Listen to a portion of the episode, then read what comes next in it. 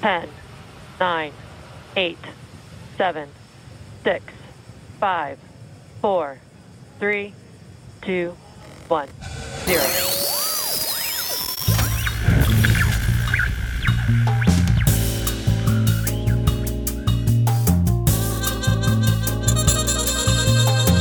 De Zeepkast.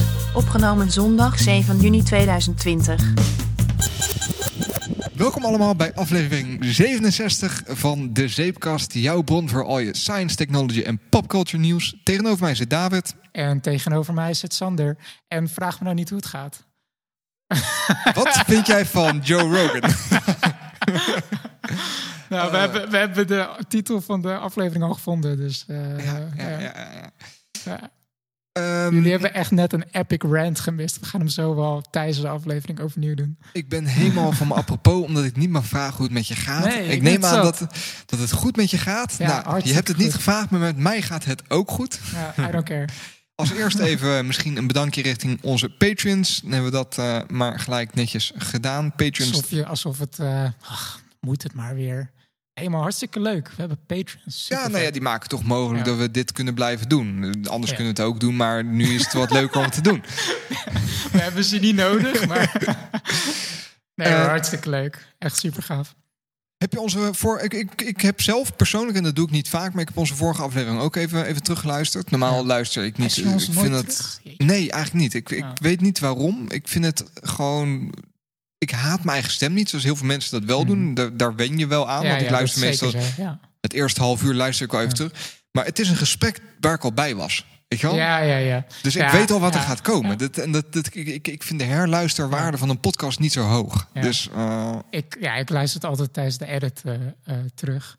En het is toch wel grappig of zo. Omdat je, heb, ik dat, heb ik dat zo gezegd? Of, ah shit, eigenlijk had ik dit nog willen zeggen. Heel ja, precies. dat. Maar dan luister je misschien met een doel terug Ja. ook. Hè? Want dan hoef je niet alleen te letten op inhoudelijk, maar ook Ja. hoe de audio is. Dus dan, heb je, dan luister je met een doel. Terwijl ik ons ga terugluisteren, dan ga ik alleen voor het gesprek luisteren. En dat gesprek weet ik al wat er gaat komen. Ik luisterde laatst eh, eh, een stukje, een fragment terug van wat we vier jaar geleden hadden opgenomen.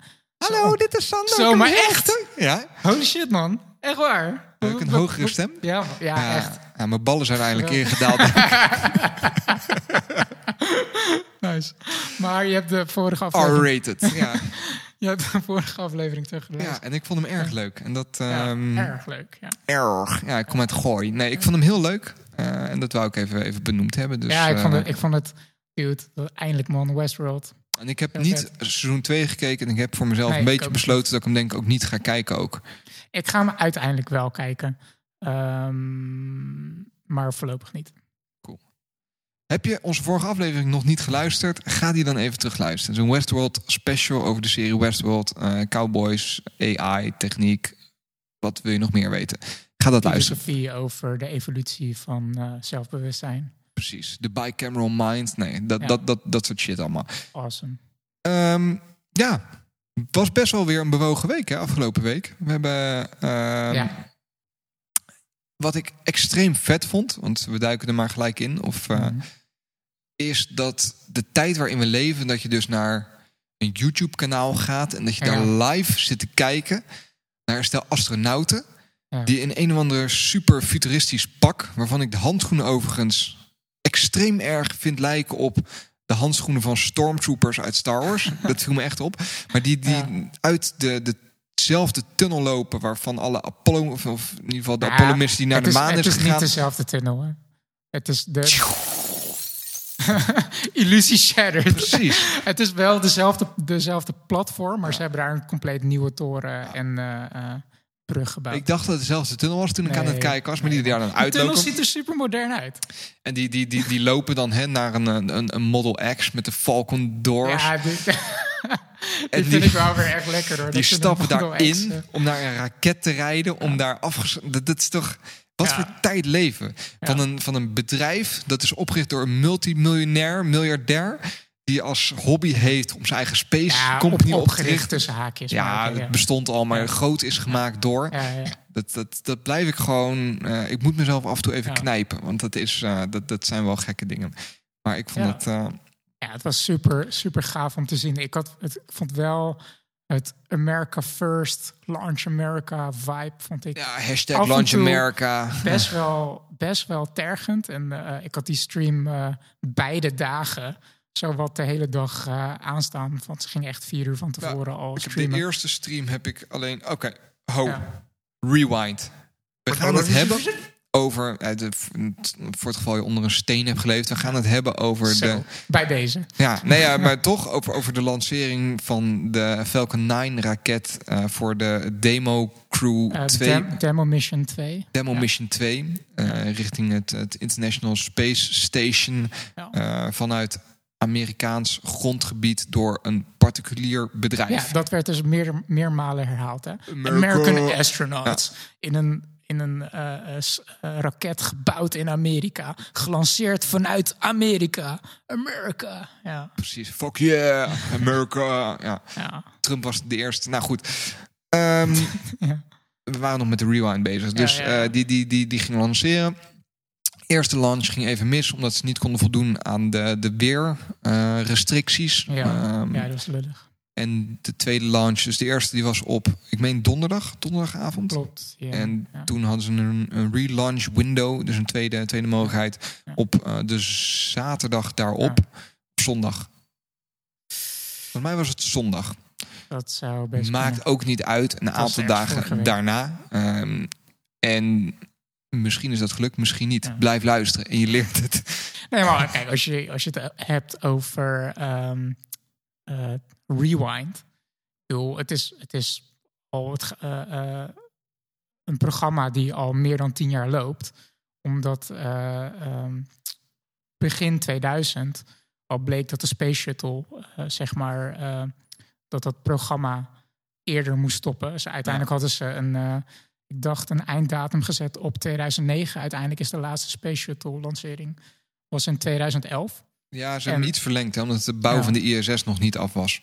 En ehm, sinds 2011 eh, worden Amerikaanse astronauten eh, eigenlijk volledig eh, vanuit Rusland gelanceerd via de, Ja. Via de Soyuz. En is de, ehm, dat heet, het programma heet C-3PO. Ja, Dat is een vet af- is dat. Ja, hè? dat is, dat is een afkorting voor, dan doe ik hem even uit mijn hoofd. Heb jij hem eh, ergens geluisterd? Nee, ik zoek hem gewoon op. Commercial Crew and Cargo Program. Ja, precies, C-3PO. Ja. Ja. Met eigenlijk het idee om eh, commerciële partijen ehm, te financieren, om die een raket te laten bouwen en dat NASA een klant wordt van een commerciële partij. Nou, ik, ik heb daar ook wel over nagedacht. Hè. Dat, dat, eh, op de een of andere manier is het zo dat een bepaalde katalysator moet zijn om innovatie te stimuleren. En dat zit hem vaak in de wij versus zij gedachtegoed. Er moet een bepaalde competitie zijn. Nou ja, heel En- simpel, de, de space race eh, tijdens Precies. de Koude Oorlog. Zoveel jaar Ja. geleden was dat Ja. de Koude Oorlog. En eh, toen was dat de, de, de, de reden om flink te investeren. En toen zag je ook dat... Not dat because it's easy, but, But- it's hard. ja, Ja. dat Kennedy, hè? Ja. Uh, by the end of this decade, Ja. we Ja. will have boots on the moon. Ja. Ehm, Boots on the moon, ja.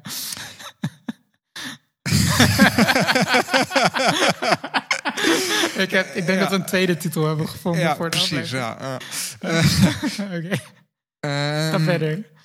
Je, had, je was een prof- Ja. je profound statement over. Dus toen, toen, toen, gemaakt. toen, eh, toen, toen, toen was die strijd was er. Van, nou, Ja. wij kunnen het beter dan zij. En zij dachten dat ze beter konden dan wij. Dus eh, we, we excelleren alle twee. Ja. Ehm, toen zag je dat eigenlijk eh, de, de, de maan was bereikt. En toen is die, die strijd is wat weggevallen. En eigenlijk daarna is het wat, wat, wat, wat minder gegaan met die space. En misschien dat, komt dat ook wel omdat... ehm, ja, Rusland werd, werd toch wat, wat, wat minder als bedreiging gezien. Het werd in Amerika steeds meer gezien Mhm. als, als, als nutteloze kostenpost om maar geld Ja. te blijven verbranden om mensen naar boven te schieten. Ja. Waardoor er geen gelijke strijd meer was. En eigenlijk Amerika de handdoek in de ring heeft gegooid. In eerste instantie. Nou ja, de handdoek in de ring. Kijk, eh, de, ik bedoel, een veelgestelde vraag op internet is van... eh, waarom eh, is de mens niet teruggekeerd naar de maan, zeg maar. En dat geeft dan ook weer eh, eh, een, een soort bodem van... ja, de mens is nooit naar de maan geweest, het is all a stage. eh, Stanley Ja. Kubrick die heeft het in een, in een studio opgenomen.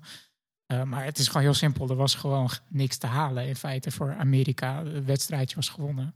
Dus er zat gewoon een, een, een commerciële reden achter. namelijk die was er niet. Er was geen commerciële reden om verder te gaan uh, met de maan te exploreren.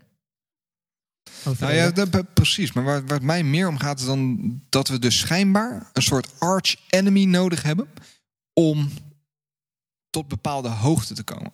En wat NASA heel slim heeft gedaan, hè, die, die, die, die zagen op een gegeven moment ook dat binnen Amerika uh, ja, dat er te weinig animo was en te weinig funding om ja. zelf uh, dat, dat, dat gevecht weer op te starten met de Sovjet-Unie of hè, nu Rusland. Mm -hmm.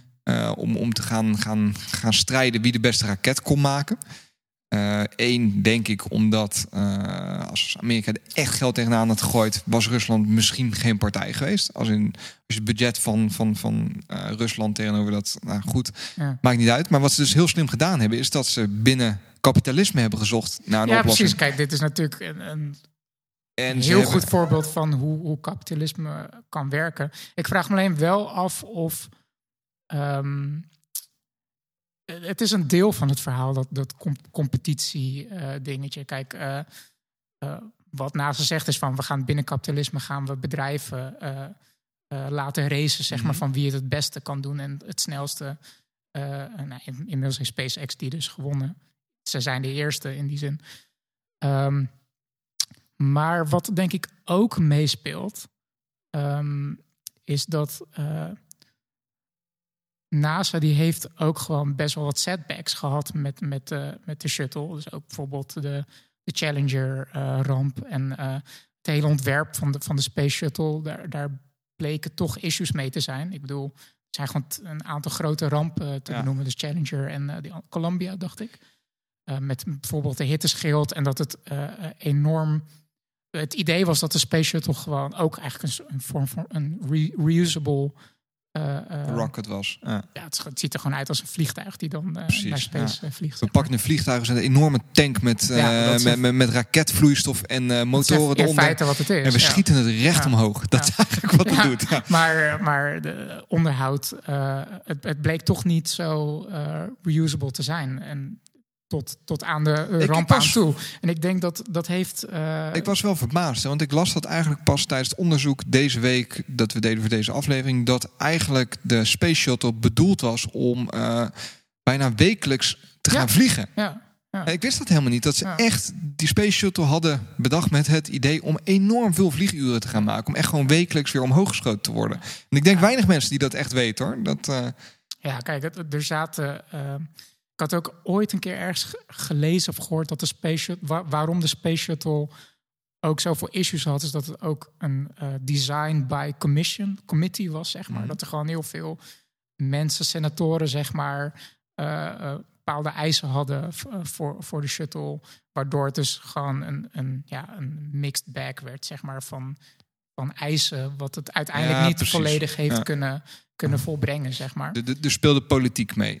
Ja, dat dat, eigenlijk- dat ja, kan je wel zeggen. Zeg van als ik hiervoor stem, dan moeten de raketten bij mij in de staat Exact. gemaakt worden. Maar je kunt Exact. helemaal geen raketten maken. Maakt niet uit, we gaan het leren. En vervolgens, ja. En ik denk dat dat een van de redenen waarom NASA dat ook, zeg maar, ehm, eh, dat wilde voorkomen, zeg maar, Mhm. in die zin. Dat er dus gewoon onafhankelijke bedrijven die niet eh 100% eh, eh, hun geld krijgen, zeg maar, vanuit de regering. Want bijvoorbeeld Boeing en SpaceX die moesten ook zelf kapit- eh, na, ze kregen Mhm. een, eh, een fund van, van NASA, maar ze moesten ook zelf eh funds gaan. eh, Ja, ze moesten eh, het matchen. Dus ze Ja. moesten hetzelfde geld Exact, dat, ja. dat, dat Boeing of dat eh, NASA beschikbaar stelde, moest door SpaceX en door, door. Boeing ook, eh, ook geïnvesteerd Dus dat, was worden. een, een- een- dat is een vorm van bescherming tegen diezelfde mechanieken weer. Mhm. Wat er met de Space Shuttle is gebeurd. En ehm, om, omdat NASA dus ook eh, een, een government agency is, eh, kunnen ze minder avontuurlijk zijn, als ik dat goed zeg. Ik bedoel, SpaceX die kan, die, die, die doet een blooper reel op YouTube, weet je, van hoeveel failures ze hebben gehad met, eh, met de Falcon 1 en de Mhm. Falcon 9, zeg maar. Ja, dat, dat zou NASA nooit kunnen doen, zeg maar. Dus in die zin is, is zo'n private company ook veel wendbaarder en kunnen ze daardoor veel sneller innoveren dan wat een NASA zou kunnen doen, die eh, eh, door heel veel eh, bureaucratie heen zou moeten gaan, zeg maar. Ja, precies. Ja, ik denk, denk wel dat ik begrijp wat je bedoelt. Ja. Dat, dat die hele start-up mentaliteit die, Ja, die SpaceX exact. toch, toch weet te Exact, behouden. En ja. dat zie je bijvoorbeeld ook heel erg goed terug in Boston Dynamics met hun, uh, Zweedse toch, met, met de robots. ja, ja, ja, Boston Dynamics. Die, die ook altijd blooperfilmpjes en zo online gooien. Nee, eens. eens. Maar dat, dat zeg je precies, precies goed. Het is een start-up mentaliteit. Wat NASA gewoon niet zou kunnen doen. Zeg maar. En wat NASA dan wel eh, aan tafel brengt voor SpaceX, is dat eh, NASA een, een enorm rigoureuze eh, veiligheidsprocedure heeft, zeg maar, waar SpaceX dan weer doorheen moet gaan. en Dus heel veel kennis. ja, exact. Dus dat moeten we ook niet vergeten, dat het een, een enorme samenwerking is tussen SpaceX en NASA, waarin SpaceX in de eerste fase enorm snel kan innoveren, innoveren door fouten te maken en het is- explosies en yippie zeg maar. Het En- is misschien wel leuk om even, even doorheen te lopen. Hè? Want het is op zich best wel een romantisch verhaal bijna over hoe dit tot stand is ja, maar het gekomen. is, Een soort- dat, dat is het soort ook. Het is- David het is Goliath een soort van verhaal. de, de American Dream ook wel ergens. eh, in die zin dat, het, dat zo'n start-up dit eh, voor elkaar krijgt. Eh, zeg maar ook als je het eh, naast Boeing zet. Ah, die precies die dat. dus ook voor, de, voor hetzelfde contract... Het is, het is hè, voor, voor ons luisteraars misschien ook leuk om te weten. We hebben een, een, een, een lopend document met daarin een linkjes die we alle twee doorlezen. En hè, voor, voor deze aflevering stonden daar een aantal linkjes in voor, voor, voor de Space aflevering. En toen had ik inderdaad ook, want de eerste, het eerste stuk dat ik las was vanuit de NASA-website eigenlijk meer een timeline over het programma dat ze hadden opgesteld. Met welke doelen ze hadden, eh, Ja. welke funding daar tegenover stond Ja. in de tijd, zeg maar. Dat was eigenlijk de drie pijlers die erin stonden. En hoe dit programma came to be. Dus dat C-3PO-programma. ja. Welke onderdelen zitten daarin? Welke spelers spelen mee? En wat zijn de doelen die behaald moeten worden? Mhm. Ehm, en dan zag je eigenlijk dat in de eerste fundingronde SpaceX nog helemaal niet meedeed. Mhm. Eh, vanaf de tweede begonnen ze mee te doen. Maar wat mij heel erg opviel daarin is dat je telkens zag dat Boeing het leeuwendeel van het geld Ja. kreeg. Ja, en dat is, ook weer politiek. Want eh, eh, Boeing is gewoon een soort van favorite child van, van Amerika. Het, ze, Boeing staat meer dan 100 jaar, heeft, heeft enorm veel... Boeing is een beetje het KLM van, van Amerika, toch? Laten we, Ja, no- nog meer dan dat. Daar zit bedoel, best wel sentiment want- bij, want- best wel gevoel bij. En, eh, Ja, maar, ik bedoel, KLM is dan een, een airliner. Boeing is een manufacturer, die, Mhm. die maakt dingen. Eh, eh, KLM die maakt in die zin niet... Nee, maar meer qua, qua, sentiment. Qua, hè, als, je, als je de Ja. gemiddelde Nederlander vraagt van... Hè, moet, eh, krijg, je een warm gevoel van KLM? Ben je trots op de oudste luchtvaartmaatschappij Ja, ter precies, wereld, ja. geloof ik dat ze zijn? Dan- Boeing is eh, too big to fail eh, binnen Amerika, want ze zijn gewoon US-backed. Zeg maar. ja. Ehm, maar dat, dat viel me dus op. Hè, dat, dat zij het merendeel van het geld kregen. Terwijl mijn beeld was dat SpaceX rondjes om ze heen aan het rennen is op het moment. Ja, eh, ja, en dat vond, ja. vond ik... eh, en, Maar, maar sowieso was het ook binnen, binnen de Amerikaanse politiek... was er ook heel veel pushback om eh, überhaupt deze strategie te kiezen... en eh, SpaceX eh, geld te geven voor hetzelfde waar Boeing ook mee bezig was. en, en nou Wordt ja, dat, gezegd van, laat Boeing het gewoon doen, weet je. Waarom, waarom ook geld geven aan die andere partijen? En dat was dus, eh, en daarom maak ik net, vertelde ik even hoe dat bij ons werkt met, met Ja, een leeslijstje. Want dat was dus het volgende artikel. was een artikel over de, de competitie tussen Boeing en SpaceX. En dat dat eigenlijk, ehm, ja, inderdaad, dat Boeing gewoon de, de, de fan favorite was. Eh, of niet Ja. fan favorite, de, de, de, de government favorite. Zo de moet je het misschien government zeggen. favorite van, want we doen het altijd via Boeing. Precies, dat is hoe we het altijd gedaan Ja. hebben. Dat is, eh, die, die kunnen dat nou eenmaal, die zijn er goed in, die zijn er Het is geen start-up, Boeing. En dat, je, en dat, dat wordt wel leuk geïllustreerd. Dat Ja. je gaandeweg ziet dat ehm, SpaceX een aantal eh, meevallers heeft gehad. Als in, eh, en dat, dat weet Elon Musk eh, vaak nog heel mooi te vertellen. Ook dat ze de, of de Falcon 1, die is de eerste Hm. Ja. drie keer ontploft. En als de vierde ook ontploft Ja. was, waren ze klaar geweest. Ja, maar dat, dat was ook zo, hè? Was er geen geld meer, Ja, was, het geld klaar. op. Ja. Vierde, die lukte.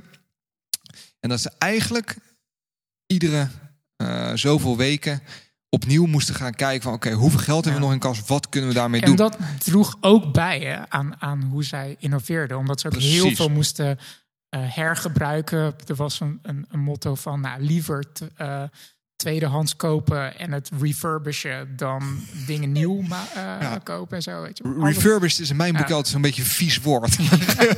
SpaceX die stuurt gewoon refurbished toestellen. Ja, Nou, dat is in feite toch wat ze doen, hè? ja, ja. ze- dit- is zo'n verhaal dat ze op een gegeven moment zelfs geloof ik een brandstoftank van de, van de scrapyard gehaald hebben en die helemaal hebben omgebouwd. En, eh.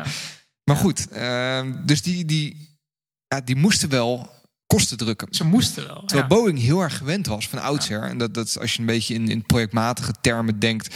eh, het is veel meer waterval aanpak. Ja. Van, eh, we, we bedenken van tevoren wat we gaan maken. We gaan het heel lang maken. En achteraf komen we erachter dat we veel te veel geld aan het uitgeven zijn. Dat we het niet gaan redden. Maar goed, we zijn al zo ver. Ja. Dus we krijgen extra geld. En we blijven gewoon doorbeuken. We gaan twintig jaar later leveren we iets op dat al lang over Ja. datum is. Maar eh, hè, die, die zijn dat veel meer gewend. Ja, de- en dat eh, het zijn wel van die leuke spanningen om te lezen. Dat, Precies. dat Elon Musk ook zegt van ja, voor minder dan een miljard komt Boeing zijn bed niet uit, zeg maar. Weet je. Waarop Bo- Boeing weer helemaal pissig is en zo. En zegt van ja, maar eh, En dat gebeurt deliveren. allemaal via fucking wij, hebben, wij hebben die ISS gebouwd en eh, Precies, van we got out of bed to build the ISS. Ja, ja, ja. En, eh, dat gebeurt allemaal via- fucking Twitter. dat is ook echt dat is bizar. gewoon super weird. En dat er, dat dat- er intern bij Boeing heel erg het, het gevoel heerst van... we worden echt... Dit is gewoon een R-rated episode. of, eh, fuck it. Maar- we worden maar- compleet verneukt door een guy die bij de Joe Rogan natte scheet show gaat zitten. ja. En pot aan het roken is. En gewoon... Ja, precies.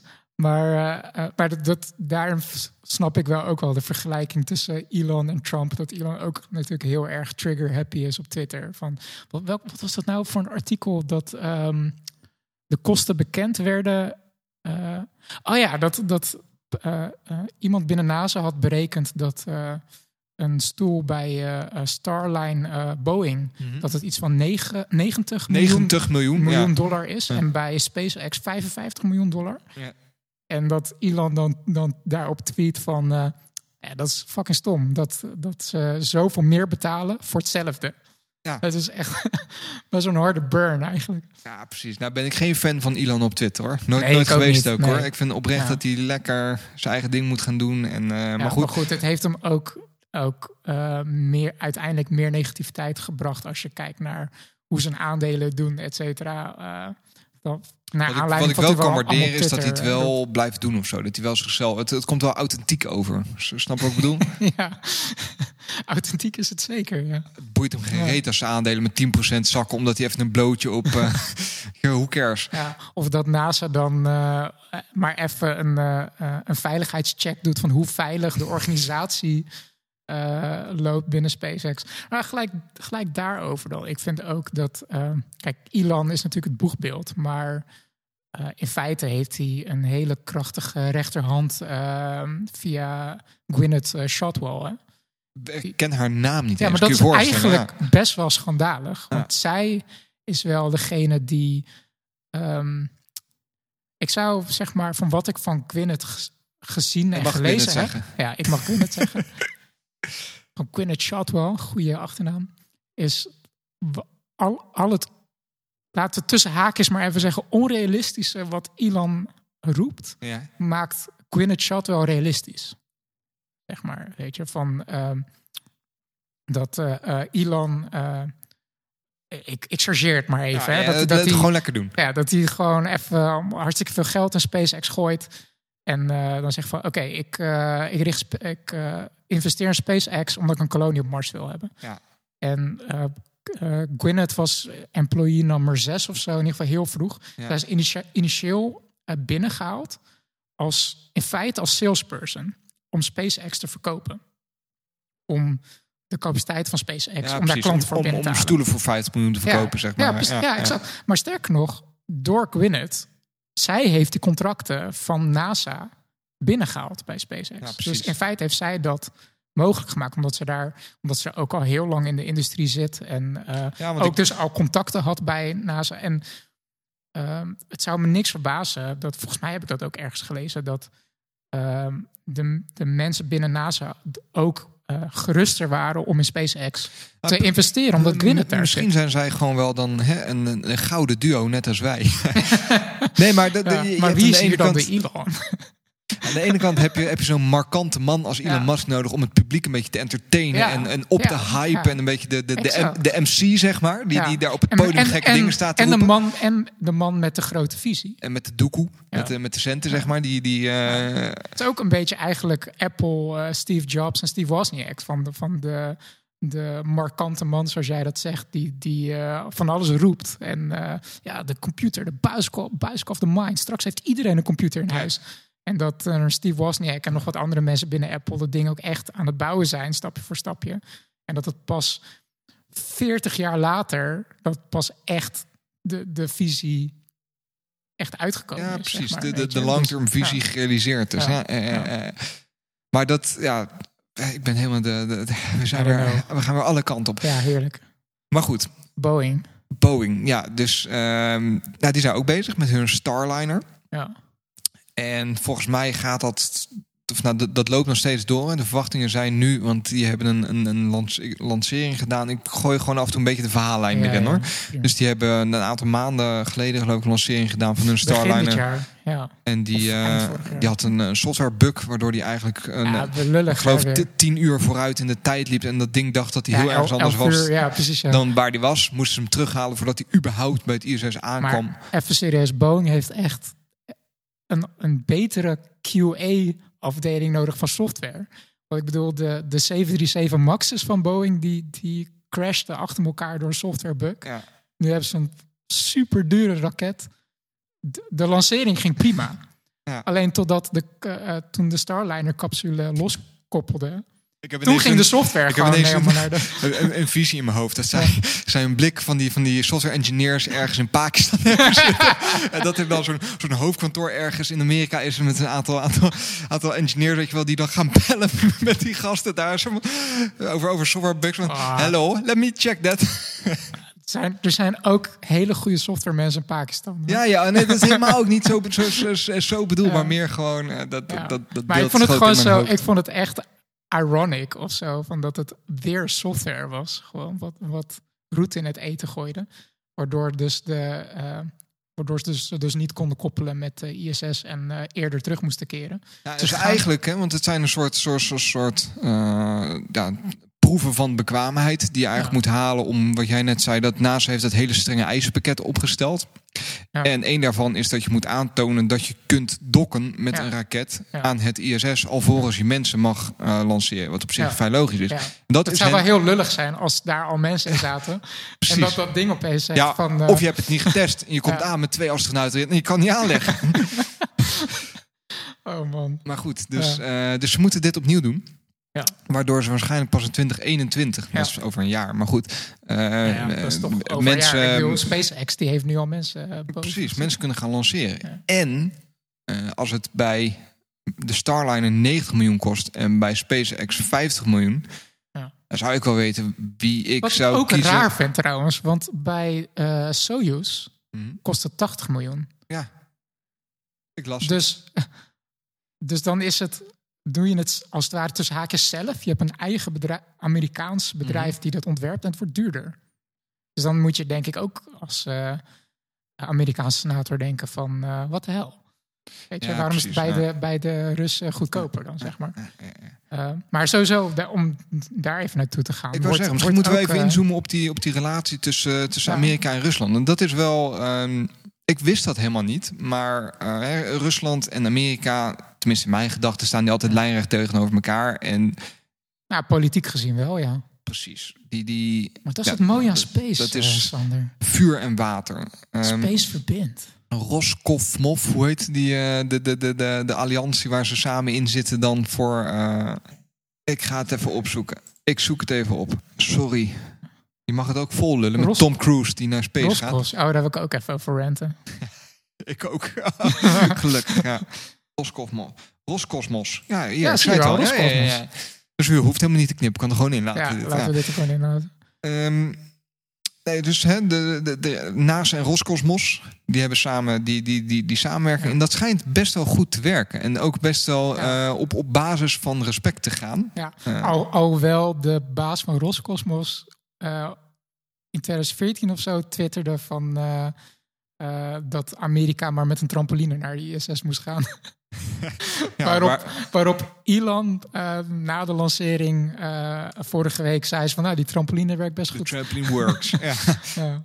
Maar- Maar, ze, ze hebben op Insta, eh, ik zag op Instagram een filmpje van dat ze gefeliciteerde, Ja, naast gefeliciteerde en dat het een, een win is voor de hele mensheid, eigenlijk voor de community, dat er gewoon weer dat er gewoon meerdere partijen zijn die naar space kunnen. En dat is, dat is gewoon de waarheid natuurlijk. En dat, dat is een van de, van, de dingen die NASA ook roept. En nu met eh, dat ze, dat ze sp- space flight willen commercialiseren. Ja. Dat het niet meer eh, vanuit een land gebeurt. Maar dat ook landen die geen spacefaring nations zijn. Of naties die, eh, die, die, die naar... Dat die een ticket kunnen kopen. Dat die ook- Ja. En dat, na, dat NASA nu ook gewoon een klant is, als het ware. Precies. Maar het, het versterkt wel het beeld, en dat hoop ik oprecht, maar dat space iets groters is, iets dat landsgrenzen overschrijdt. En daarom vind ik het Ja. ook wel jammer hoor, dat het inderdaad hashtag eh, Launch America, eh, dat het zo erg in het teken stond van die... Ik begrijp het wel hoor. Maar, Nou ja, ja. de, de, de background story. En ik weet niet in hoe erg dat dan meespeelt. Maar ik zie het ook een beetje als een. Kijk, de, de nieuwe baas van NASA, dat is eigenlijk. Zijn aanstelling is gedaan door Trump. Dat is de enige Ja, ja, ja. goede daad Ja, die Trump heeft gedaan. Ehm, Probably, ja. ja. en er zijn wel verkiezingen aan aan het komen. Daarnaast zijn Amerikanen natuurlijk extreem eh, trots op hun land. En daar is niks mee mis, maar wel heel erg. Misschien wel meer dan dat wij dat kennen. Eh Ja, wat, patriotistisch. wat, wat natuurlijk ook te verklaren is met zo'n jong land. Hè. Ik bedoel, die moeten hun eigen Precies. fix... eh, Dus dat, dat speelt allemaal mee. Maar het, het- ik vond het wel enigszins vervreemdend. En, en ehm, Ja, natuurlijk. Wij zijn dat gewoon niet gewend. Maar joh.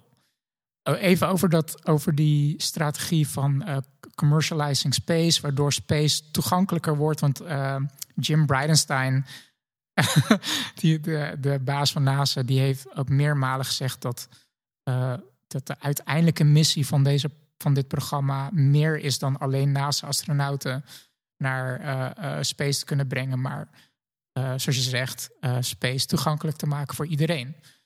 En Jim Bridenstine heeft ook in meerdere interviews gezegd dat hij ook een toekomst voorziet. Dat er dus ehm, naast die ISS ook eh, commercieel gebouwde space stations zullen zijn eh, voor commerciële doeleinden. Eh, ik weet niet waarom, maar ik zie dan gelijk alle oude science fiction films die ik heb gezien voor me met, met een space station, met een casino aan boord. En oh, Ga zo maar door, weet je. Ehm, en dat is natuurlijk super cool. Alleen ik vraag me wel af hoe realistisch dat is de komende tien jaar. Kijk, ik weet dat er, er zijn wel. ehm, ehm, volgens mij is een bedrijf Axiom, Axiom, genaamd, die, ja. eh, die Ja, ja, ja. eh, een plan heeft voor een commerciële Die willen space in station. Ja. 2024 willen die hun eigen kijk, space station eh, hebben. Wat ik afvraag. Ja, ik, goed. Ik Maar- durf daar niks meer over te zeggen, maar ik vind het ik, heel. eh, waar, waar ik naartoe wil gaan is ehm, SpaceX eh, als frontrunner, zeg maar. SpaceX is niet de enige. Kijk naar bijvoorbeeld Blue Origin, kijk naar eh, Virgin eh, Galactic, die onlangs een, een mislukte test hebben gedaan. Waar ze een, een heel mooi filmpje over hebben gemaakt. Dus ook een beetje in de, in de spirit van SpaceX van laat ook je failures zien. Maar in ieder geval, dat zijn partijen die bezig zijn om dat soort lanceringen zo goedkoop mogelijk te maken. Ja. Eh, wat, ze tot, wat ook lukt. Maar wat betekent goedkoop? Want het is nog steeds 55 miljoen. ja, Dus precies. dat is, en dat gaat dat ook is- nooit 100 euro worden. nou ja, nee, daar, kijk, niet, niet over tien jaar. Misschien ooit wel. Of een hele rare inflatie is er dan gebeurd of zo. Maar, eh, eh, er is of, nog maar eh, 400 euro op ja. heel de wereld. Ja, Voor een kwart van al het geld. Precies. Maar eh, ehm, eh, snap je? Dus dat, dat is een hele kleine. eh, ehm, je hebt dan een, een hele kleine markt, zeg maar, die dat gaat betalen, weet je. Dus, in, dus hoe ziet dan die commerciële... De grootste klanten zullen nog steeds een NASA of een Roscosmos worden... of een eh JAXA van Japan, zeg maar. Voorlopig, zeg maar. Dus ik ben gewoon wel benieuwd hoe dat, hoe dat verder... Nou, waar, waar ik benieuwd eruit naar gaat zien, die, commercie die commercialisering van. want space. ik, ik, en dat, en ik weet niet meer exact hoe het zat, maar ik las wel hè, dat ze nu ook het ISS willen gaan commercialiseren. Nou ja, er, er zijn dus plannen om eh, eh, ook commerciële klanten toe te laten op de ISS. Wat ik extreem stom vind. Maar goed, ik weet Ja. er echt niet zo heel veel vanaf. Maar het. En Er, er is één plek waar. wat ik me dus ja, afvraag, hè, want ik, ik las dat NASA akkoord heeft gegeven om het ISS te commercialiseren. Ja. Maar volgens mij is dat niet NASA's call to make. Nou ja, nee, niet voor de hele ISS neem ik aan. Kijk, de, de ISS bestaat uit modules. Ik ben En, wel eens eh, op de. Je hebt in Europa Park in Duitsland, daar ben ik Ja. geweest. Daar staat de testmodule van de ISS, waar de originele astronauten in geoefend hebben. Dus Oh, ik heb daar echt? rondgelopen. Oh, ja, supervet. eh, Ja, ja. Het is fucking klein. Echt, als je daar. dat is echt. Het zijn gewoon een paar cola blikjes aan elkaar gelast, zeg echt, maar. Daar zweef je in, weet je. Of wel. Ja. Maar goed, Nee, maar... maar vol-. Volgens mij is dat zo'n. Nou, wat ik dan misschien een beetje jammer vind, en wat ik voorzie, is dat volgens mij het ISS is zo'n wonder of engineering dat we collectief als mensheid gebouwd hebben in space. Ja. Toch? Dat heeft extreem veel geld gekost, maar dat maakt niet uit. Want geld speelt geen rol als je zulke hoge doelen nastreeft. En dit Mhm. is, je wel, it's there for the, for the ages.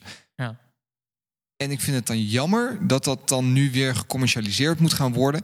En dat het ook weer iets gaat worden voor eh, extreem rijke boys die daar dan kunnen gaan rondlopen. Sna- Ja, maar snap wat ik bedoel? Ja. Kijk, de vraag is... dat wat, is wat, niet dat Ja. ding. Dat ding Ja. dat is. Dat is die ding niet. Nee, maar... Ja, het is ook maar de vraag wat, wat daaronder verstaan wordt, weet je. Want ik bedoel, wat, er wat is... Wat, even, laat ik hem even anders stellen. Wat is er te doen op de ISS? Weet je, dus, er je kunt één- dus schijnbaar een film maken.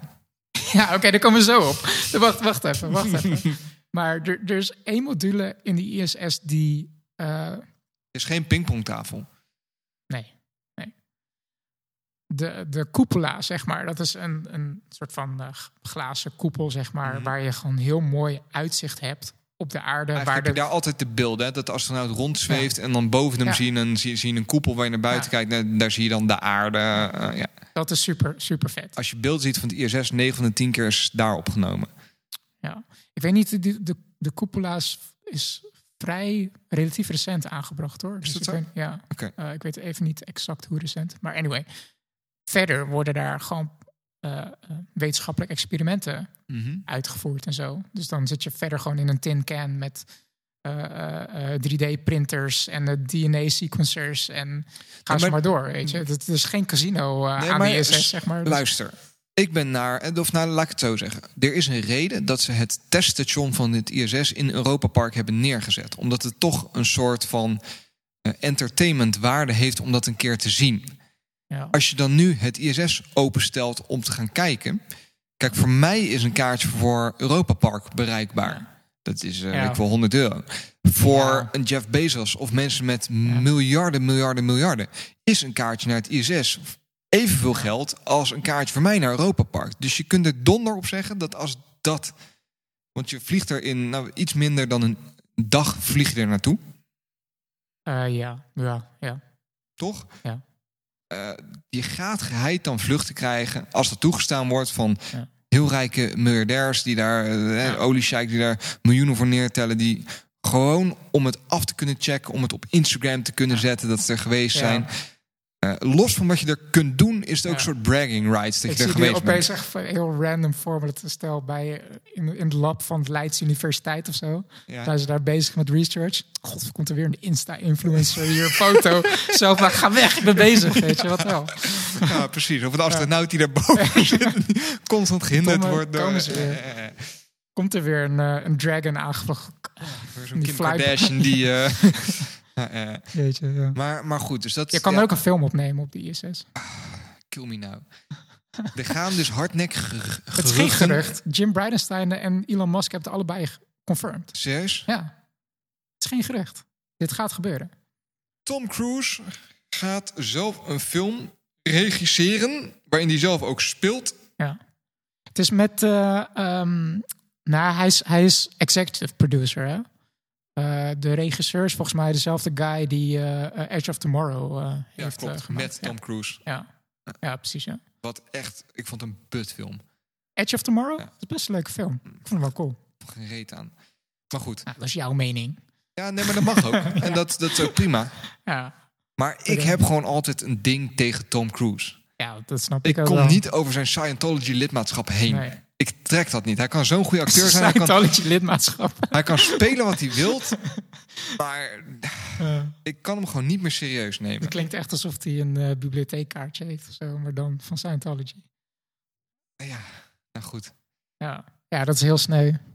Maar toch, dat is misschien een hele aparte discussie. Maar eh, ik vind eh, Scientology echt walgelijk. Maar eh, ja, soms stiekem vind ik die oude Mission Impossible films wel lachen, weet je. En Ik, vind, ook. En ik maar Edge of Tomorrow ook ik best zo leuk van. Ja. Ik heb die gekeken voordat ik... Nou, ik weet niet eens of hij toen lid was van... eh, maar dat, dat, Eh, dat steent het dan toch een beetje of zo. En dat, dat zou niet ja, mogen. shitty, ja. ja. Maar dat is wel gewoon balen. En dan doet het misschien ook een beetje zeer dat hij dan de eerste guy is die daar mag gaan filmen. En denk Ja, en wat, je dan, dat je dan ook weer zo'n hele documentaire gaat krijgen over van hoe sick het is. Hoe die, ja, eerst heeft hij, eh, hij heeft zichzelf, eh, eh, hij heeft een eh, helikopterlicense gehaald voor, voor Mission Impossible film. Hij heeft aan de zijkant van een eh, vliegtuig gehangen voor eh, Mission Impossible. Nu gaat hij space in. Wat een man. Ja, Wat precies. een held. America, Ja. yeah. Ja, Ja, nee, daar heb ik geen zin in. nee, maar ik goed, ook niet. Zullen wij nu gewoon samen afspreken? En ehm, ik nodig al onze luisteraars uit om daar aan mee te doen. Dat als over tien jaar die film uitkomt, ja. dat we hem niet gaan kijken. Tuurlijk gaan we. Ja, weet je, dat is dus het ding. Dat we hem gaan piraten. Dat hij er geen geld Ja. voor krijgt. ja, precies. Nee, dat, dat, eh, dat zeker, ja. Over, eh, hebben we nog space dingen die we...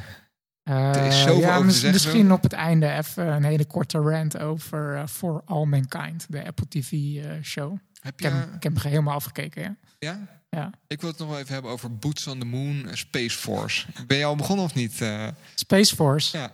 Nee, ik heb, het, eh, ik, heb het, eh, ik heb alleen de trailer, stukje van de trailer. daar komt de term Boots on the Moon uit. Oh, is het zo? Ja, ja, ja. Is dat een show met Steve Carell en zo? Ja, nou, het is extreem. de, de, fuck it, we doen het gewoon nu. We doen het gewoon nu, want het is. Ik heb de eerste twee afleveringen gekeken. ja.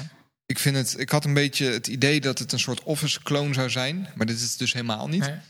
Eh, het is niet per se heel grappig. Als in ik lig niet constant in een deuk. Ik Mhm. ben gelijktijdig nu ook die Office helemaal aan het kijken. Ik ben nu Ja. bij seizoen En 7. dat Nou, vind dan, echt helemaal geweldig, hè? joh, ik, eh, ik kijk dat vaak met mijn vriendin samen voor het slapen gaan. En eh, mijn vriendin valt dan wel eens in slaap. En die wordt dan echt pissig op me. Omdat ik zo hard aan het lachen ben dat ze weer wakker wordt.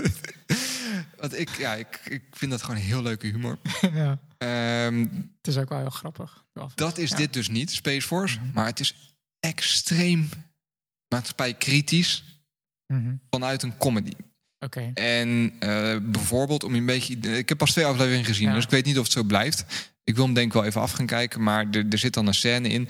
Eh, en het is heel erg actueel ook, hè? als in Ja. Space Force. Amerika heeft echt net besloten een Space Force op te gaan richten. En er zitten allemaal dingen in die echt waar zijn. Ehm, Ja, zoals? nou ja, de- de- ik ga je een voorbeeld geven. Wacht. Wat gewoon heel tof is, is dat ze dan bijvoorbeeld op een gegeven moment op een, eh, in een, een conference room zitten. Ja. En dan gaan ze orders krijgen van, van de POTUS, de president. Ja, ja. En dat ze dan aan het afwachten zijn tot hij iets op Twitter gaat zetten. Ah, dat soort dingen. en dat ze dan. Eh, ehm. Dat eh, Steve Carell, die de Space Force four-star commander is, zeg maar de, de, de, de baas van Space Force. Dat hij een media guy heeft die bij hem werkt. En die is verantwoordelijk om allemaal bad shit, crazy dingen op Twitter te, Ja. te zetten. Om maar hè, mensen entertained te houden. En, Ja. Maar dat soort dingen zitten er constant in. En constant dat soort verwijzingen die echt best wel kritisch Ja. zijn richting wat er nu aan het gebeuren is. En dat, dat maakt het gewoon best wel leuk om te kijken. Ja. Ja, weet je wat ik eh, toen die een stukje van de trailer zag? Ehm, kijk, ik vind, volgens mij hebben we het daar ook wel eens eerder over gehad. Space Force aan zich is helemaal geen dom idee. Nee, helemaal niet. Nee, maar En, eh, het wordt ook niet weggezet ja, als dom idee, hè? Ja. Oké, Eh, ja, ik, eh, dat kwam bij mij bij de trailer niet helemaal over. En ik, ja, dus die, die afdeling bestaat ook al, eh, al heel lang. eh, is onderdeel van de Air Force, dacht ik. Ja, maar Al- daar gaat het dus ook over. Ja. Dat, dat zeggen ze ook. Van dan, Ja. is de four-star Air Force commander is boos dat space bij hem weggekaapt wordt. Ah, en ja, een aparte. ja. Oké, oké. Dus dat, dat soort Ah, dingen zitten, er- zitten er echt in. Ehm, maar er wordt wel een beetje wat bijvoorbeeld. En Boots on the moon. Dat wordt dan constant als, als, als einddoel ook geroepen. Oh. Omdat dat, dan wordt weer een beetje dat, dat Amerikaanse sentiment op de hak genomen. Weet je wel? Die, die, die, die, die one-liners van, van de president heeft geroepen dat we boots on the moon moeten. En dus, er zit best wel een, een, een diepere laag in. En ik zou hem je wel aanraden om gewoon een keer Oké, te, ik, te ga, kijken. ik ga proberen. En het leukste is om dat nu te kijken, nu ook al die dingen echt wel actueel zijn en spelen. Je gaat gewoon een hele hoop dingen wel herkennen Mm. Oké. eh, erin. Oké, je hebt me overtuigd. Ik ga het proberen. Netflix staat Ja. Dus eh, Ja, ja ik heb eh, deze week weer mijn Netflix aangezet. Dus, Oh, eh, nice. dus eh, komt, eh, komt op tijd. tof, tof. Ik had, laat ik hem gewoon nu even meteen noemen, sluit wel mooi aan. Ik had voor All Mankind gekeken op Ja. Apple TV+. Plus. Ja, precies. Keek, keek ik heel erg naar uit. Maar jouw gezicht leest boekdelen, zeg maar. Nou ja, ik had je ook al een app gestuurd wat eh, eh, ook al boekdelen ik weet niet of je hem wil quoten, maar... eh, ik heb hem zo snel niet bij de hand. Nee. Ik kan hem wel even parafraseren. Dat Nee. was iets in de trend van hij is ruk. ja. Nou ja, ik ben, ik ben echt, ja, weet je, dat was gewoon een hele emotionele app naar je. Want omdat ik gewoon wel echt hyped ervoor was. En Ja. het was voor mij in ieder geval een beetje een, een teleurstelling. Ik, eh, We hebben het er nog van tevoren over gehad, hè? Want Apple Ja. TV eh. Plus, we hadden alle twee niet heel veel zin erin. En de serie met Jason Momoa. En het zag er allemaal niet heel tof uit. nee, Alleen For All Mankind. ja. En de premise ervan, dus de, Ja, wat het belooft, is heel tof. Het waren voor mij twee dingen. En eh, ik ga proberen om niet op spoiler ter territory te komen. Als dat gebeurt, dan moet je het zeggen. Dan knip ik het eruit. Eh, maar voor mij waren twee dingen. De producer die erachter zit. Eh, spoiler. Nee, sorry. De producer die erachter zit is eh, Ronald D. Moore. En hij heeft eh, een van mijn favoriete sci-fi series gemaakt. Battlestar Galactica. De Oh ja. reimagined versie van 2004. Dat, dat, dat is echt een van jouw top drie series, hè? Absoluut. Ja. Die vind ik echt, echt geweldig. Ehm, dus toen dacht ik van wauw, als hij dit achter zet, nou, dat is al een plus. Can't go wrong. Ja. En, en eh, de alternate eh, history eh, premise dat wat als de Sovjet-Unie Space Race eerder had. de Space Race gewonnen had, dan zou eigenlijk de Space Race nooit eindigen. Ehm, want Dan zou staat- Amerika heel hard roepen, dan gaan wij het eerste naar Mars. Ja, nee, maar dat is letterlijk wat er gebeurt. Ja. Ehm, eh, want, want dat zei, daar begon je ook in het begin van de podcast over, van over dat er een soort strijd nodig is, een race nodig is. Want toen Amerika als eerste eh, landen, toen was het een beetje een soort van klaar, oké. Ja. Ehm, in deze serie eh, zie je dus van eh, dat, dat eigenlijk Amerika enorm op de pik getrapt is eigenlijk. En oké, nou als wij deze finishlijn niet gehaald hebben, dan leggen we de finishlijn toch gewoon steeds verder en steeds verder. Weet je? En dan zie je, dan zie je dus hoe NASA dan steeds moet blijven innoveren en zo. En dat is gewoon heel goed gedaan. Ehm, Als je nu zou stoppen, zou ik hem gelijk gaan kijken. ja, en ehm, nou ja, l- andere positieve, eh, het ziet er echt goed uit. Ja? Het is echt mooi gemaakt. er zit heel veel geld achter. Ja, dus dat zie je echt. Ja. En eh, daar houdt mijn positieve verhaal wel een beetje op over For All Mankind. Ehm, laat ik het... Ik voelde me gewoon een beetje in de maling genomen of zo door de show, zeg maar. Want dit is wat ik jou nu vertelde. Ja, dat is precies. ook hoe het aan mij is verkocht, als Ja, het ware. als, je- als je me dit zou zeggen, ik Ja. zou hem gelijk... eh. Uiteindelijk, eh, voor mij, lag de, lag de nadruk helemaal niet op, die, eh, op dit onderwerp. Maar kwamen er allerlei drama, zal ik het maar gewoon drama... Een beetje telenueva dingen. Sorry? Een beetje telenueva. Telenovela. Telenovela. Ja, ja, mijn, mijn, Spaans ja. is... ja, ja. ja, je, je mag niet Ja. spoilen, dat is lastig. nee, hè? precies. Maar gewoon, ja. Misschien. Kijk, er, er waren al concerns ook toen Apple met Apple TV Plus bezig was. Van dat eh, Tim Cook zich eh eh, ermee zou bemoeien over Mhm. hoe, die sommige dingen te gewelddadig vond. Of de message niet goed vond of zo. En dat die, die rumors zijn ontkend door Apple. En op zich geloof ik die ook niet per se. Maar ik heb alleen maar door deze show gezien te hebben geen andere Apple TV Plus shows. Dus misschien is het ook niet helemaal eerlijk. Mhm. Maar ik heb wel een beetje een gevoel van, ja, dit is echt typisch zo'n show die Apple zou de wereld in zou sturen. Het is zo'n zo'n soort van, Iedereen tevreden willen houden. En ja, een soort van van, eh, eh, politieke issues van nu, zeg maar, heel erg uitlichten over, ehm, eh, ja, daar ga ik gewoon even bij laten. En dat, ik wou gewoon een, een, een toffe alternate history sci-fi show zien. En dat Ja. was het voor mij uiteindelijk niet. Het werd echt gekaapt door die andere aardse huidige onderwerpen, zeg maar. Ma- ma- Mag, ik, hè? Want dat hebben we dan niet voorbereid. Maar volgens mij he- heb je nou ook The Man in the High Castle gezien? Ja, ik heb hem helemaal afgekeken. Want The Man in the High Castle is op zich eh, niet eenzelfde serie, maar wel een, eh, een alternate history. Ja, ja. Waarin niet Amerika de Tweede Wereldoorlog heeft gewonnen, maar Japan en Duitsland de, de, hebben de, gewonnen. Axis. eh, en de- wat de geallieerden met eh, Berlijn hebben gedaan, door de midden geknipt, ja, eh, hebben eigenlijk de Axis powers met Amerika gedaan. ja, ja, correct. Ehm, Dus ik vind dat- San Francisco is van de Jappen en eh, eh, New York is van de, is de, van de Duitsers. Ja. Precies. En ik vind dat extreem interessant. En ik wil die serie gaan kijken. Ehm, Ik, ja. Oh, je hebt hem nog niet gezien? Nee. Zou je me die dan wel aanraden? Eh, ja. Als alternate history Ja. verhaal? Ja, die zou ik, die zou ik aanraden. Met een kanttekening. Hij is vrij heftig af en toe. Eh, grafisch, Mhm. eh, het, het niveau van geweld, van executies. Tot het punt dat ik soms denk van oké, dit was niet nodig. Dit, heb ik, dit, dit heeft de show ook niet nodig, Nee. zeg maar. Dus gewoon puur... eh, eh, beetje eh, zoals er met naaktheid porn. in Game of Thrones werd Ja. omgegaan. Ja. eh, van de, Ja, Ja. Eh, weer, ja. Ja, precies. Ja. Ja. Een soort van violence porn werd het Ja, soms. maar weet je ook, zeg maar. eh, eh, ja, ja, goed. Dat, dat, dat maakt mijn punt wel. En het andere, er zit één soapy element in. Mhm. die ik echt verschrikkelijk vond. Ik, ik kon, kwam daar bijna niet doorheen, zeg maar. Maar als je dat, eh, maar wat daar tegenover staat verder, Mhm. vind ik dusdanig goed gedaan. Dat ik dat eh, eh, Oké. op de koop toenam. Moet, ik, moet ik gelijk bij jou een soort akkoord ophalen? Hè? Wat? Nou ja, ik heb in, in, in een podcast in het verleden heel hard geroepen dat er geen geld meer naar Amazon mag, eh, mag gaan. Oh ja, ja. Nou staat The Man in the High Castle staat op eh, Amazon Prime. ja. Ehm, dat kost 3 euro per maand.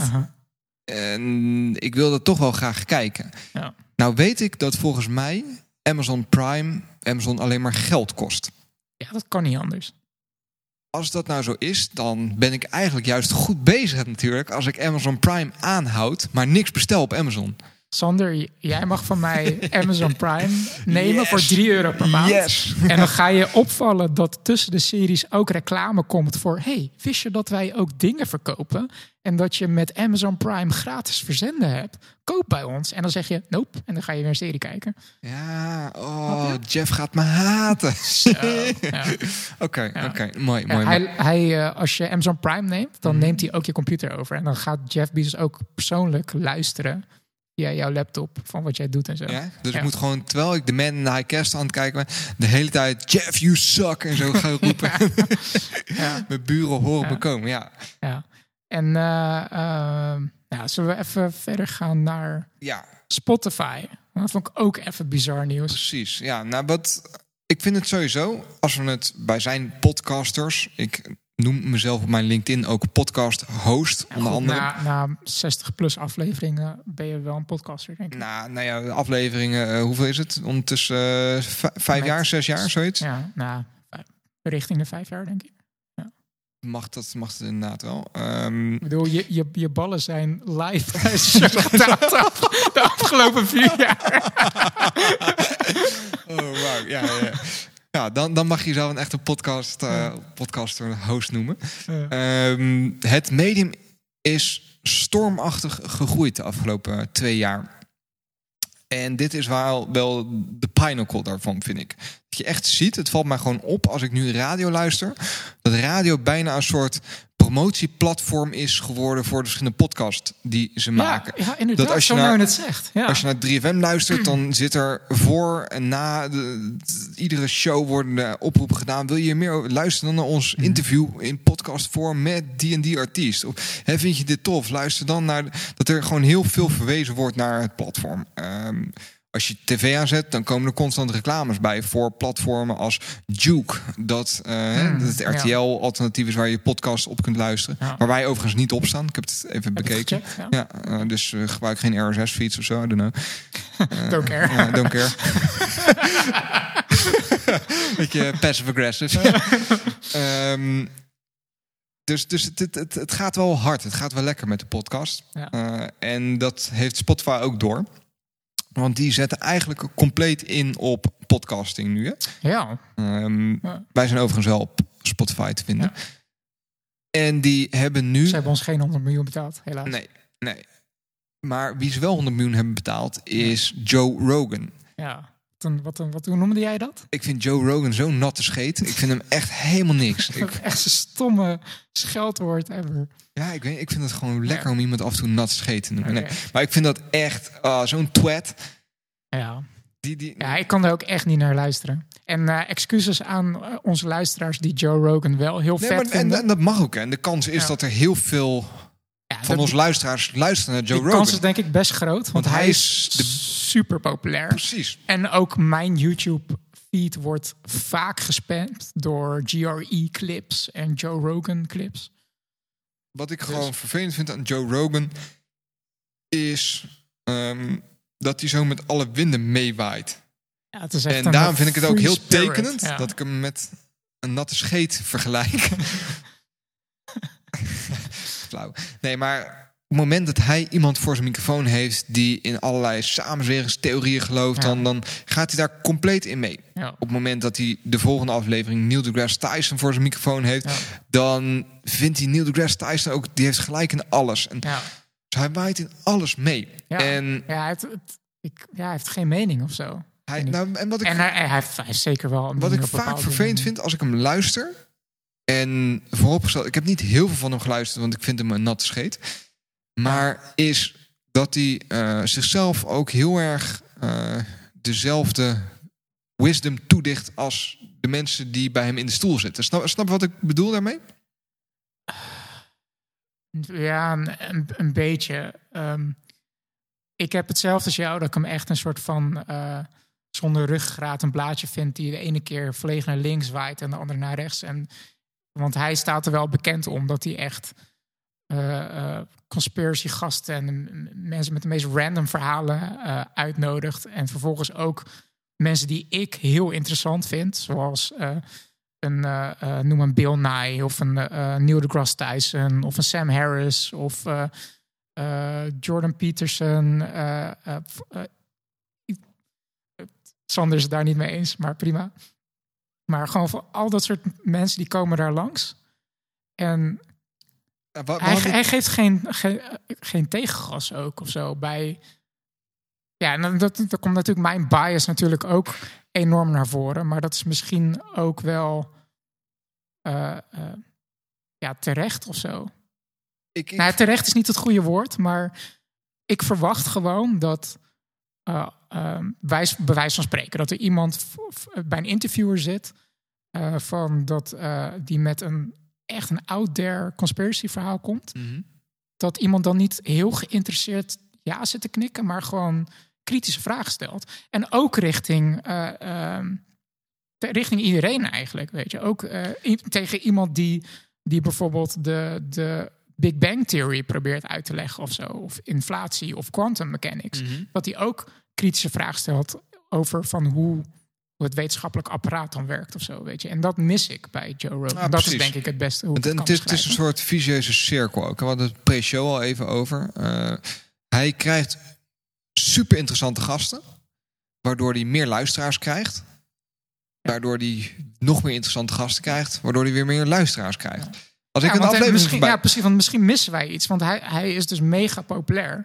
En dat is ooit een keer begonnen. Ik kan me niet voorstellen dat hij vanaf aflevering 1 meteen al eh 10 miljoen lu- luisteraars had. Oh, hij was er vrij vroeg bij, hè? 2009 begon die Ja. eh, met podcasten.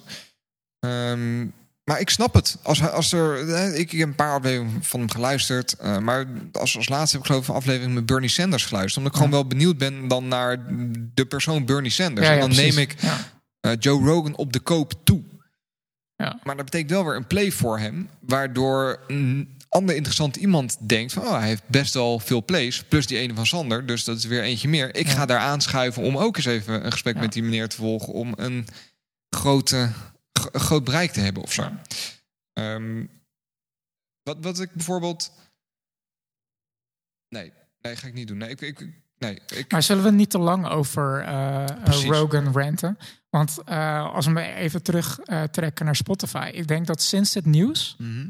dat ik me steeds meer begin te beseffen dat Spotify meer is en meer wil zijn dan gewoon een, een muziekstreamingdienst of zo, waar je 10 euro per maand voor betaalt. Ik weet niet hoe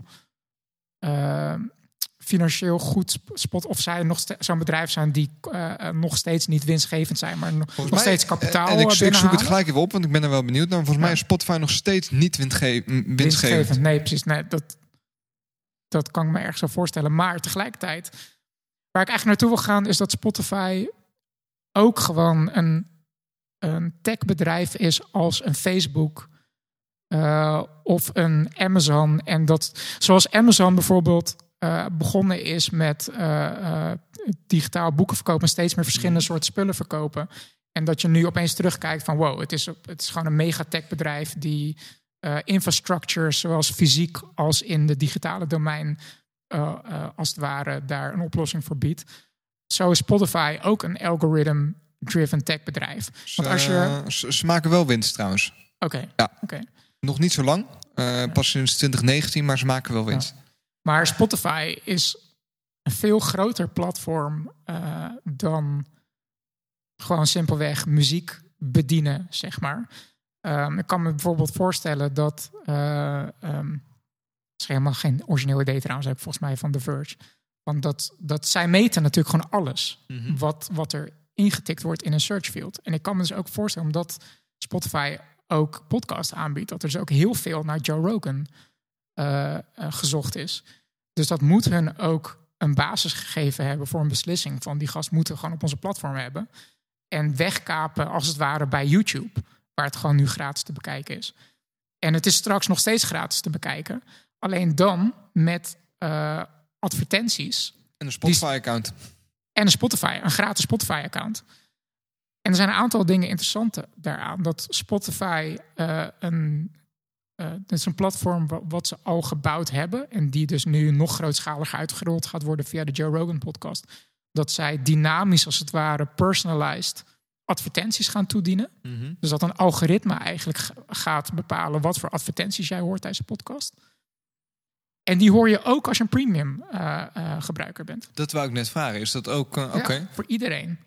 Dus of je nou een betaalde of niet betaalde. Dus zo snoept Spotify eigenlijk, als het, zeker van premium gebruikers, snoepen ze van twee kanten, zeg maar. Vanuit advertisers en van betaalde abonnees. Ergens snap ik het. Hè? Als ik nu Joe Rogan wil luisteren, dan is mijn enige optie om naar YouTube te gaan. En daar moet ik het, daar luister ik. Want Joe Rogan. Nou, nee, hij is op meerdere platforms hoor. Ja, dat is ook een zeggen, ja. RSS-feed. Maar hij heeft wel, Joe Rogan heeft wel reclames in zijn podcast, oh, toch? Absoluut. Ja, die gast die verdient uh, miljoenen.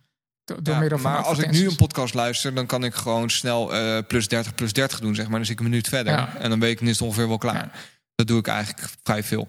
Ja, uh, straks bij Spotify kan dat niet. Maar op, op, op zich, hè, dus als ik hem nu luister, dan heb ik reclames. Als ik hem in de toekomst luister, dan heb ik reclames. Toch? Ja. Dus wat dat gaat, ga ik er niet op achteruit. Toch vind ik het wel richting je. Nou, weet ik niet. Op zich blijf ik het nog steeds een mooie deal vinden dat ik voor 10 euro per maand onbeperkt muziek heb. Mm. En dat dan podcasts op zich buiten dat abonnement laten, Ja. uh, maakt mijn abonnement aan zich niet minder waard. Ja. Aan de andere kant, um, want nu, nu zeg je van oké, okay, Spotify uh, podcast wordt een soort bijverkoop Mhm. van, um, uh, van hun core. wordt, hun, wordt hun, een tweede platform. Hun, hun core business is, is uh, muziek streamen en er komt een platform bij. Mm -hmm. Ik ben benieuwd hoe dat zich gaat ontwikkelen. Want je ziet gewoon steeds meer dat alle platforms bezig zijn met original content. Mm -hmm. I iedereen is daarmee bezig. YouTube. Uh, er zijn geruchten dat Apple ook in audio en een podcastvorm naar original content aan het kijken zijn. Zijn ze vrij laat mee ja. dan, denk ik, omdat uh, Apple juist de eerste was met uh, podcasts populair maken. Audible, onderdeel van Amazon, die heeft ook al heel lang original, heel lang, hè? Ja. original content tussen de audioboeken. En dat is een van hun selling points van neem een Audible-account. Want dan kan je boeken luisteren, maar je kan ook naar deze original content luisteren. Um, dus daar gaat Spotify dus zich ook aan toevoegen. Iemand heeft berekend dat die 100 miljoen, die overigens niet... Uh, dus er zijn nog wat vage kanttekeningen over die deal. Het is niet eh, eh, het is niet zo dat hij meteen een zak met 100 miljoen krijgt. Dat, wordt, dat zou het uiteindelijk kunnen worden. Waarschijnlijk is er een deal gesloten met dat er ook naarmate hoeveel mensen hij binnenbrengt tuurlijk, op het platform en zo. Dus dat daar gelaten. Maar stel dat hij aan het einde van de rit 100 miljoen eh, zou binnenhalen. Mhm. Als muzikant zou je daar eh 23 miljard plays voor moeten Ik hebben. had het gezien inderdaad. Ja. Dat is insane veel. Dat, d- dus Spotify keert meer uit aan één podcaster dan, dan muzikanten, zeg maar. Ja, Weet nou ja, Dus- sterk dus nog, er is geen muzikant op dit moment met 23 miljard plays. Nee, Dus in één klap maakt dit Joe Rogan de best verdienende artiest Ja. op het Spotify-platform. Ja. Ehm, Dus dat vind ik ook wel weer een soort... Ja, daar kan je ook weer een heel lang verhaal over De houden. Over kant- de, hoe de waarde van muziek zo gedaald is, zeg maar. maar nou ben ik niet helemaal met je eens. Want er zijn gewoon nog geen original content deals met muzikanten. Als Nee, muzikant nee, nee, ben je vrij Ja, om klopt. jouw muziek ook Ja. op andere manieren te exploiteren. En een podcaster die nu zijn podcast ja, alleen ja, dat is waar. op Ja. Spotify zet, Kijk, want in, feite, nog niet. Spotify heeft ook eh, ehm, het model om met muzikanten samen te werken. Er moet altijd een label tussen zitten. Eh, dus stel ook, dat je ook nou- als independent artist als- moet je bij een aggregator gaan zitten om eh, überhaupt op Spotify terecht te kunnen Ja. komen. en als podcast hoeft dat niet, hè? Nee. Sterker nog, ik kwam een soort. Ik, ik kwam een. een, een, een, ding. Jay-Z zit niet op Spotify, hè? Die heeft zijn eigen, eigen label. Eh, Jay-Z die heeft zit- Tidal. Ja, ik wou zeggen, Tidal. Ja. Ehm, en daar, daar heeft ik kwam, ik zocht laatst op een nummer van Jay-Z. Ik was even vergeten. Ik was op, eh, op, op, Spotify aan het zoeken. En toen kwam ik een podcast tegen waarin die muziek zat, omdat het op die manier wel geüpload kon worden. Dus ik denk dat iemand heeft gewoon het uploaden van podcast misbruikt om een soort pirated content. Ah, alsnog op. Spotify te Oh, krijgen. Ja. Ehm, maar goed, ik vind het een beetje een. Want ik las het ook op The Verge. Die Ja. had daar een artikel over. Ik vind het een beetje een kromme vergelijking. Hm. Omdat er is nog geen artiest die je kunt vergelijken met een podcaster nu. Kijk, Joe Rogan heeft op zich hiernaast voor zijn podcasting geen andere inkomensbron meer. Hm. Hè? Dus ze hebben gewoon gezegd: nee, je krijgt 100 miljoen. Ja. En dat is voor de komende jaar is dat wat jij gewoon krijgt voor het medium dat jij maakt. Ik denk dat er nog geen muzikant, Terwijl nog als geen jij- muzikant is met de, de exposure van de populariteit van Joe Rogan. Maar er zijn wel, denk Nee, ik, maar heel stel dat ja. er zijn wel muzikanten die, die, die evenveel eh, luisteraars hebben als Joe Rogan. Hè? Joe Rogan pakt iets van 160 miljoen plays per maand, zoiets. Er zullen echt wel artiesten zijn die Ja. er ook aan komen. Ja. Over alle platformen. Ehm, maar die hebben gewoon meerdere inkomsten. En ik durf te wedden dat die meer dan 100 miljoen verdienen over de komende jaren. Er zijn meerdere miljardairs in de music branch. Hè? Oh ja, ja goed. Dat, dat, Ja, dat is niet helemaal waar. Want die hebben natuurlijk, ja, goed. mm. Ik weet het gewoon niet. Nee. Maar het klinkt gewoon. Het is niet helemaal eerlijk Nee. om op die manier de vergelijking weg te zetten. nee, goed. Oké, oké, fair enough. Ik, ik snap, wel, ik snap eh, waar je naartoe gaat. Ja. moet wel om, om hem volledig open kaart te spelen. Ik dicht Spotify wel een warm hart toe. Dus misschien dat, ik enigszins moest ik dus ook, kijk ook. daar moest, moest ik dus ook aan denken. Ehm, want dat, dat weet ik verder. Hebben we het ook, ook vaak over gehad. eh, Spotify, eh, Europees eh, Dat is de bedrijf. enige Europese Ja. grote tech-katalysator die we hebben. Ja, ja. Ik, ik kijk er mis- denk ik wat, nu wat sceptischer naar toe of zo. Maar ik, ik kan nog niet goed uitdrukken Maar waarom. dat is ook... Jij kijkt veel meer met de muzikantenbeeld ernaar op. Hè? Mhm. Jij weet hoe het is om als muzikant op Spotify Ja. te zijn. Dus eh, het kan ook een bias zijn. Ja. Dus ik denk dat we alle twee natuurlijk, maar misschien... je, eh, je, hebt altijd een bias. Precies. eh, in, in een bepaalde vorm, ja. Zeker. Maar het, en ik denk dat ik dat er. wat ik nu kan zeggen is dat die. En dat komt misschien onder, is onderdeel van mijn bias. Dat ik ehm, nu merk dat Spotify niet meer een hardcore muziekplatform gaat zijn. En dat zij echt een soort media. multimediaal. eh, mu- ja. multi- multimedia. Er zit ook eh, video bij, hè? Klopt, ja. Bij de podcast. Dus. Maar goed, aan de andere kant, waarom is het slecht? Nee, ja, ik zeg Ja. niet dat het slecht is. Nee. Nee, ik, ik ben er juist wel fan van. En Ja. ik zie ook wel de, de kansen die het biedt. Ehm, ja, dus dat. Eh, nou goed, super interessant om te gaan volgen. En eh, als eh, Spotify ineens ook reclames bij ons gaat injecten, dan zijn we weg. Of we krijgen geld. Ja, geen idee. Ja, kijk, wij, wij blijven altijd de keuze bieden aan mensen om op andere manieren te luisteren, toch? Dus als jij ervoor kiest om dan niet Ja. via Spotify te luisteren, maar naar dezeepkast.nl te gaan en daar je play aan te zetten, heb je geen reclame. One year later. Ja, we hebben een eh, aankondiging. We hebben vanaf, 100 nu, vanaf nu zijn we alleen op Spotify te luisteren. Ja, precies. Ja. Nee. Dan nemen we al onze Patreons Ja. mee uit eten. Wauw, voor 100 miljoen. Ja, Ja, is goed. ja. Oké, bij de McDonald's? Met drive? Door de drive. Ja, precies. Ja, dan is het nog steeds corona. Dan mag je nog steeds nergens zitten. Ja. Ja, oké. Eh, Nee, maar ik ben er dus wel fan van. Ik vind het wel leuk dat, eh, dat, dat het medium podcasting zo in beweging is. Ehm, Een beetje jammer dat het eh, nat wi- wind eh, Joe Rogan is en niet wij of zo. ja, precies, nat scheet. Dat scheet, ja. Ja. Hey, mag ik nog heel even nerden? Ja, mag over- altijd want we nerden. zijn, we zijn al best wel lang bezig. Ja, joh, maar- wordt een wat langere opname. Ja. Who cares? Joe Rogan gaat voor drie uur door en dat heeft nul inhoud. Dus Speedrunning, wat weet je daarvan? vrij. nou, ik heb. Ik moet eerlijk toegeven. Ik heb, en dat is laatst niet meer zo gebeurd, maar ik heb in het verleden wel tijden gehad dat ik me dan verveelde en dat ik op YouTube Ja. ging kijken naar gasten die games speedrunden. Dus zo Ja. snel mogelijk probeerde uit te spelen. Dus Ja. ik, eh, ik, ik ken het fenomeen. Ik heb het nooit gedaan. Eh, ik weet wel dat de goal is om zonder.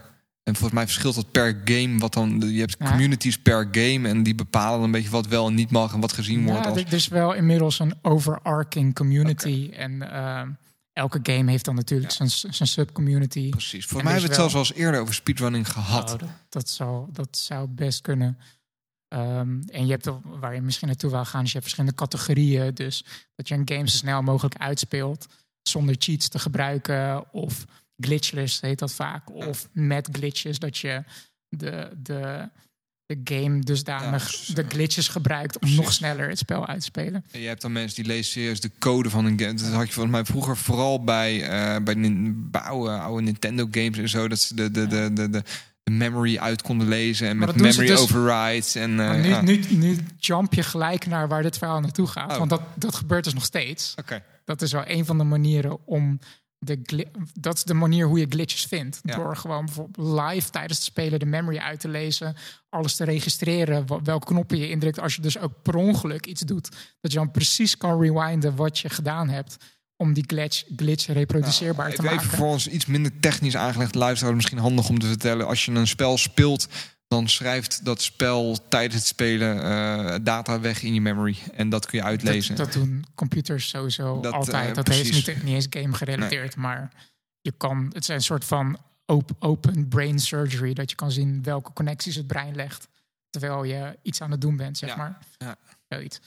Ehm, nee, want eh, nou, speedrunning, dat is iets waar ik al, al een aantal jaar af en aan een fascinatie mee heb. Of zo. Ja. Ik vind het gewoon super intrigerend, want het is ergens een soort van super useless of zo. Want het zijn dus mensen die dag in dag uit hetzelfde spel sp- spelen om maar Ik, steeds... ik heb op Twitch ook wel eens gekeken naar speedrunners hoor. Mensen die gewoon eh, inderdaad Ja. hun game 30 keer resetten en constant opnieuw beginnen. En, Bij mij is het meestal ongeveer twee keer per jaar. Want dan is er een, eh, een event dat heet... eh, je hebt dan Summer Games Done Quick. Ja. Eh, en eh, begin, in het begin van het jaar heb je Awesome, game, eh, awesome Games Done Quick. oh, ik dacht Winter Games. Nee. Quick, ja. Dus, en misschien zijn er nog meer, maar dat zijn meestal de twee events. Dat is dan een, een lang weekend, een aantal dagen. Dat er echt een marathon wordt gehouden van allemaal speedrunners die bij elkaar komen in een soort ahoy, zeg maar. Een Marathon van speedrunners. Ja, en dat ze dan gaan livestreamen. En dan worden er echt miljoenen dollars opgehaald voor vaak kankerbestrijding, eh, fondsen en dat soort dingen. Ja. Ehm, Goede doel. goed, een goed doel, ja. Ehm, dus dan eh, valt het me weer op en dan ga ik het weer allemaal kijken. En er zijn twee games die mij het, vaak het meest, die vaak heel vaak terugkomen. Als bijvoorbeeld eh, eh, Super Mario 64. Ja. Die game is helemaal kapot geanalyseerd en de, de Heb, speedruns zijn insane. heb ik wel eens gekeken Ja. inderdaad. Dat echt, echt, Nou goed, er zitten zoveel gekke Ja. blokjes en trucjes in. En Want op inderdaad- zich, ja, want op zich de, e- de, wat, wat me dan opvalt, is dat de ene speedrunning game is interessanter dan de andere. Want bijvoorbeeld een Super Mario, die, die skill die ze hebben om Mhm. Mario te bewegen, zeg maar, is echt belachelijk. En dan heb je het nog niet eens over de glitch-versie. Bij de glitch-versie, om bepaalde glitches uit te voeren, moeten Mhm. ze echt frame perfect. En dat zijn dan eh, dat heb ik dus wel eens gezien. 60 inderdaad, frames ja. per seconde moeten ze bepaalde knoppencombinaties indrukken om een glitch te activeren. Het is echt bizar, zeg maar. En een andere game is eh, Zelda The Wind Waker. Dus ook eh, ja, voor de Zelda-liefhebbers onder ons. Ik, ik heb hem echt kapot gespeeld op de Gamecube ooit. Ik vond hem echt super vet. Mhm. En die komt ook eigenlijk elk jaar weer terug bij, bij GDQ. Eh, en dus dan eh één speedrunner die heet Linkus 7. Ja. Dat is echt bijna autistisch wat hij doet of zo. Hij streamt alleen maar Zelda games en dan vooral de Wind Waker. En die speelt hij elk jaar weer. En dan eh, laat hij weer de... Dat is gewoon een levendige community, zeg maar. Die constant die game aan het analyseren zijn. Om steeds maar weer trucjes te vinden. Om sneller Om, te om het spel sneller te spelen. En is dat met glitches dan? Met glitches, ja. Ja. Maar dat maakt de Wind Waker zo vet om naar te kijken. Want eh, ze spelen het dan en dan gaan ze het eh, tijdens die marathon... eh, gaan ze het niet per se spelen om een nieuw record te halen... maar om het gewoon te, te showen. leggen, ja. Dus ze gaan het ook uitleggen wat ze aan het doen zijn... en hoe ze bijvoorbeeld op bepaalde glitches terecht zijn gekomen... en waarom ze werken. En dat is zo fascinerend. Zeg, een soort van computer science study over inderdaad memory adressen en hoe, hoe de gameontwikkelaars ook het spel geprogrammeerd hebben. ja. En dat hebben ze allemaal door reverse engineering ontdekt. Hè? Dat ze ontdekt hebben van Ja, oh, er is niet één groot Ja. handboek dat je Ja, kunt precies. doorlezen hoe, hoe, Ja. hoe het spel geprogrammeerd dat is. Ja. bijvoorbeeld dat, dat de programmeur bedacht heeft van ja, de, de speler die loopt altijd door onder dit poortje langs. En als hij dat doet, dan triggert dat een nieuwe, dan gaat een bepaalde value op true, zeg maar, waardoor een, een, een, eh, een cutscene start. En dan hebben ze een manier gevonden om dat te omzeilen, zeg maar, waardoor die cutscene niet start, waardoor ze weer tijd winnen, dat, dat niveau, zeg maar. Ja. En eh, bij Zelda Wind Waker hebben ze manieren gevonden om het hele spel, de chronologie van het spel, als het ware, helemaal door elkaar te gooien, waardoor ze sneller bij het einde zijn. Dus dat ze bijvoorbeeld waar een zwaard nog lang niet ho- hoort te hebben, hebben ze, pakken ze die al lang omdat ze eerst naar een andere eh scène skippen. Oké, dat is even background over deze dit hele fenomeen. Dat kwam met, van, dat, met dat zwaard heb ik wel eens een filmpje over gezien. Eh. Inderdaad, dat ze, dat ze veel vroeger in de er, game... zijn, er zijn dus heel veel filmpjes, vooral van bijvoorbeeld Linkus 7. Die geeft dus op zijn YouTube-kanaal geeft hij regelmatig updates over wat de community nu weer gevonden heeft. En dat dat weer vijf minuten scheelt in de speedrun Ja. bijvoorbeeld. Waar staat de speedrun nu op? Waar moet ik aan denken? Is dat Oh, eh, secondes of is dat uren? Of is Nee, dat... het is wel eh, meer dan een uur. Misschien wel twee uur, dacht ik. Ehm, maar dat is dan weer een, ander ding. Want op de, sowieso is dat een raar spanningsveld. Want bijvoorbeeld bij Zelda Ocarina of Time...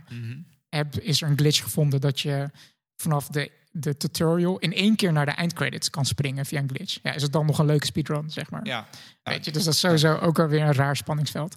Maar voordat, voordat mensen helemaal afhaken nu... want eh, dit is wel een hele specifieke niche Ja. eh, ehm, interesse of zo. Er kwam laatst een, eh, een, eh, een nieuwe update op in mijn YouTube feed van Linkus 7 over ehm, getiteld How We Solved the Worst Minigame in Zelda's History. En dat is dus een minigame die in The Wind Waker zit. Ik, ik heb het filmpje gekeken. Ik snapte er vrij weinig van. Met mijn hè, gebrekkige wiskundige kennis. ja, maar, maar het- toch verbaast me dat wel of zo. Het is wel, maar dat is, ik heb dus- niet het is wel heel echt veel moeite gedaan. Nou, zie je, nou, nou, dat is misschien al toonaangevend van hoeveel mensen dit interessant gaan vinden.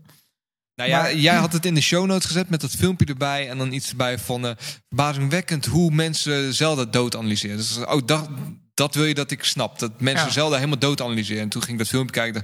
Ja, ik zie dat ze hem dood analyseren. Ja, ja, ja, ja. Oké, ik snap het. We gaan het hebben over het dood analyseren van spellen. Nee, maar, Maar eh, wat ik gewoon zo fascinerend vind, is dat de, de, de effort Mhm.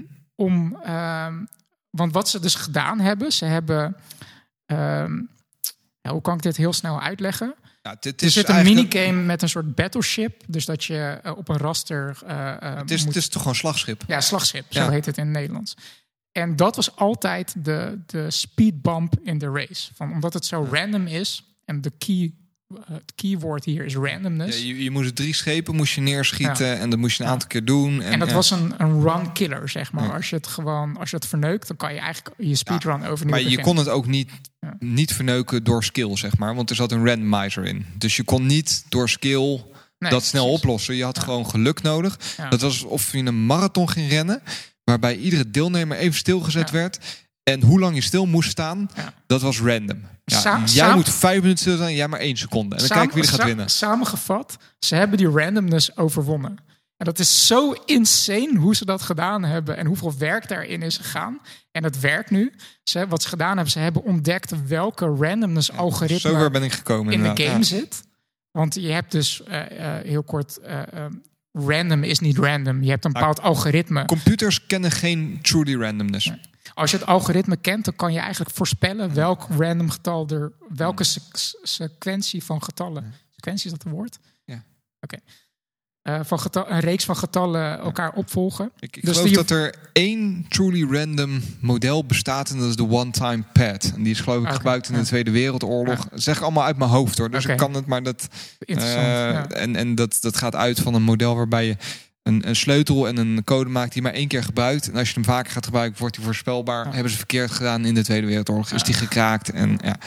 Maar in ieder geval, dus randomness is eigenlijk een illusie. Je kan, eh, als je weet hoe die computer Random is een illusie. Maar als je dus weet hoe, hoe de computer dat berekent, dan vervalt dat concept randomness eigenlijk. Hm. Eh, dus Kun je daar, gaan voorspellen welke waarde eruit komt. Ja. Dus dat doet die game ook. Die eh, is constant, eh, eh, elke tik, elke frame in de game is hier een random getal aan het genereren. En op basis van die random getallen gebeuren er bepaalde dingen Ja. in de game. Dus ook welk slagschipbord er gegenereerd wordt als je bij die minigame komt. Ze hebben dus berekend dat. en daar hebben ze dus statistische modellen uiteindelijk op losgelaten. Dat je dat een gemiddelde speedrunner op ongeveer de 5,5 miljoenste stap in de random generator eh, bij de minigame terechtkomt. En dan maken ze een soort, dat heet een bell curve, zeg maar, een, eh, eh, met een, een, een probability curve, zeg maar. Ja, voor dus de een waarschijnlijkheids... ja. Van of ze daadwerkelijk op de 5,5 miljoenste stap terecht zijn gekomen, of de 5,3 miljoenste stap. Dus dan weten ze al van, oké, van, van de miljoenen mogelijke borden, zeg ik maar even, Ja. zijn het er nog maar 10.000. Ja. En dan van die 10.000 kunnen ze dan een, een, eh, een hitmap maken, zeg maar, die legt dan allemaal elkaar, over elkaar heen Mhm. om te zien van waar waarschijnlijk het schip is waar ze. eh, eh, Op moeten schieten. ja, precies. Ja, precies. En dan vul je dat in en dan als dat correct is, dan weet je nog meer zekerder welk bord er gegenereerd is. En als het fout is, dan vervallen alle borden waar daar een schip zat en dan eh, eh, maak je het steeds weer klein tot maar 100 eh, borden. Oftewel, uit die randomness genera- Mhm. generator weten ze dus nu heel snel te, te, eh, te gokken, als het ware, tot aan zeker weten welke, welk random bord het minigame gegenereerd heeft. En dat is zo bizar. Ja, dat is wel gewoon eh, een gevalletje enigma, zeg maar. Gewoon het breken Ja, van een, van Maar een dat, en dat is dus eigenlijk mijn hele punt waar ik naartoe wil gaan. Het is een soort van de enigma-code kraak. Het is fucking insane. En het is tegel- tegelijkertijd useless. Het is verbonden het is aan een Zelda-game. Ja, precies. Dat is toch zo bizar. Ik vind het zo vet. alleen in die instance te gebruiken. Ja. Want je moet gewoon, als jij een pretty shitty speedrunner Ja. bent, dan heb je er geen reet aan. Want dan kom je er niet in de 5,5 miljoenste stap, maar veel later. Precies. Ja. Ja. Dus ze hebben een, dus eindstand, ze hebben een app gebouwd. Dus jij kan die app gewoon downloaden. En je kan dan, als je ongeveer dezelfde snelheid eh, bereikt als een gemiddelde speedrunner. En je komt bij die minigame terecht, open je die app. En dan kan je dus live in die app aangeven wat er gebeurt. En dan geeft de app je het juiste antwoord. That's it. Boots on the moon. Bizar. Ja. Het is de, de most awesome Boots on the moon. Ja. de most awesome, useless eh, eh, technologie ooit. Ik vind het zo vet. Because we can. Ja, precies. Dat, dat ik gewoon even kwijt. Hoe Not because it's easy, but because it's hard. and useless. Dat dus, zeg maar. Snap je een beetje waarom ik dat zo sick Ik, de, gast, ik snap het helemaal. Ja, ja, ja. Ik kan het alleen wiskundig niet altijd helemaal volgen, zeg maar. Want, Ja. want eh, op het moment dat allerlei modellen... eh, Snap je het bij- nu beter nu ik het soort van heel snel heb ja, uitgelegd? ja. Crazy. Ik vind, ik sta er nog steeds perplex van. zeg Ik ben maar. heel benieuwd waar het... Zal ik dat gewoon eens even opzoeken? Wat het eh, de, de record speedrun eh, Zelda... Ja. Kunnen we natuurlijk even kijken op speedrun.com. ja, dat is trouwens de officiële ehm, eh, Aloha, website waar alle, alle records op staan. Aloha Kirby heeft een tijd neergezet van 57 minuten en 19 Ja, zie je. seconden. Om en, nou- en is dat eh, glitch of eh, welke categorie is dat? Ehm, rank first, dat is de full game leaderboard Annie. Any percent. Oké, dus any percent, dat is dus met glitches. Ja, ja, ja. Dus eh, just so you know. Dus on that bombshell zullen we eigenlijk... Volgende maand eh, komen wij terug en heeft David hem eh, gespeedrun in 56 minuten en 12 seconden. ja. Ik denk dat, dat we hem hierbij moeten laten. hè? Ja. Ik hoop dat het laatste onderwerp niet te way out there was. Onze podcast. Hoe cares? Als mensen het niet leuk vinden, hè, dan ja, jammer dan. Wij vonden het leuk om te vertellen. Awesome. Lieve luisteraars, we hopen dat jullie het toch enigszins interessant hebben gevonden. Ehm, ik vond hem wel weer een leuke aflevering. Bedankt voor het luisteren. Ja. David vond hem ook heel leuk, dat is mooi. Ik heb gelachen. Ik heb gelachen. Bedankt voor het luisteren. Eh, vond je het leuk en eh, wil je het delen met je vrienden, familie, kennissen of buren? Eh, dan zou je daar ons heel erg mee helpen. We zijn te vinden via zeepkast.nl. We zijn te vinden op Spotify. We zijn te vinden op, eh, nou niet op Juke. Hè? Dat is jammer, maar ja. Eh, vind je het leuk wat we doen en wil je ons een beetje helpen om dit iedere week, iedere twee weken weer te doen? Kun je Patreon worden? weken, iedere, iedere drie maand. weken, iedere maand. Zoiets. Eh, kun je ons steunen per aflevering via Patreon? Dat Zou je een pro- probability curve kunnen maken van ons wanneer wij een podcast uploaden? Heb ik al lang gedaan. Oh. Dat, is zo random. Dat is niet te voorspellen. Ja, maar het is niet random. Nee. Je moet gewoon weten welk algoritme het universum gebruikt. Ja, Dus dan weet je op ongeveer de 3 miljoenste stap. Oké, het wordt tijd om eh, af te Het wordt sluiten. tijd om af te sluiten. Lieve luisteraars, bedankt voor het luisteren. Live long and prosper. Ciao.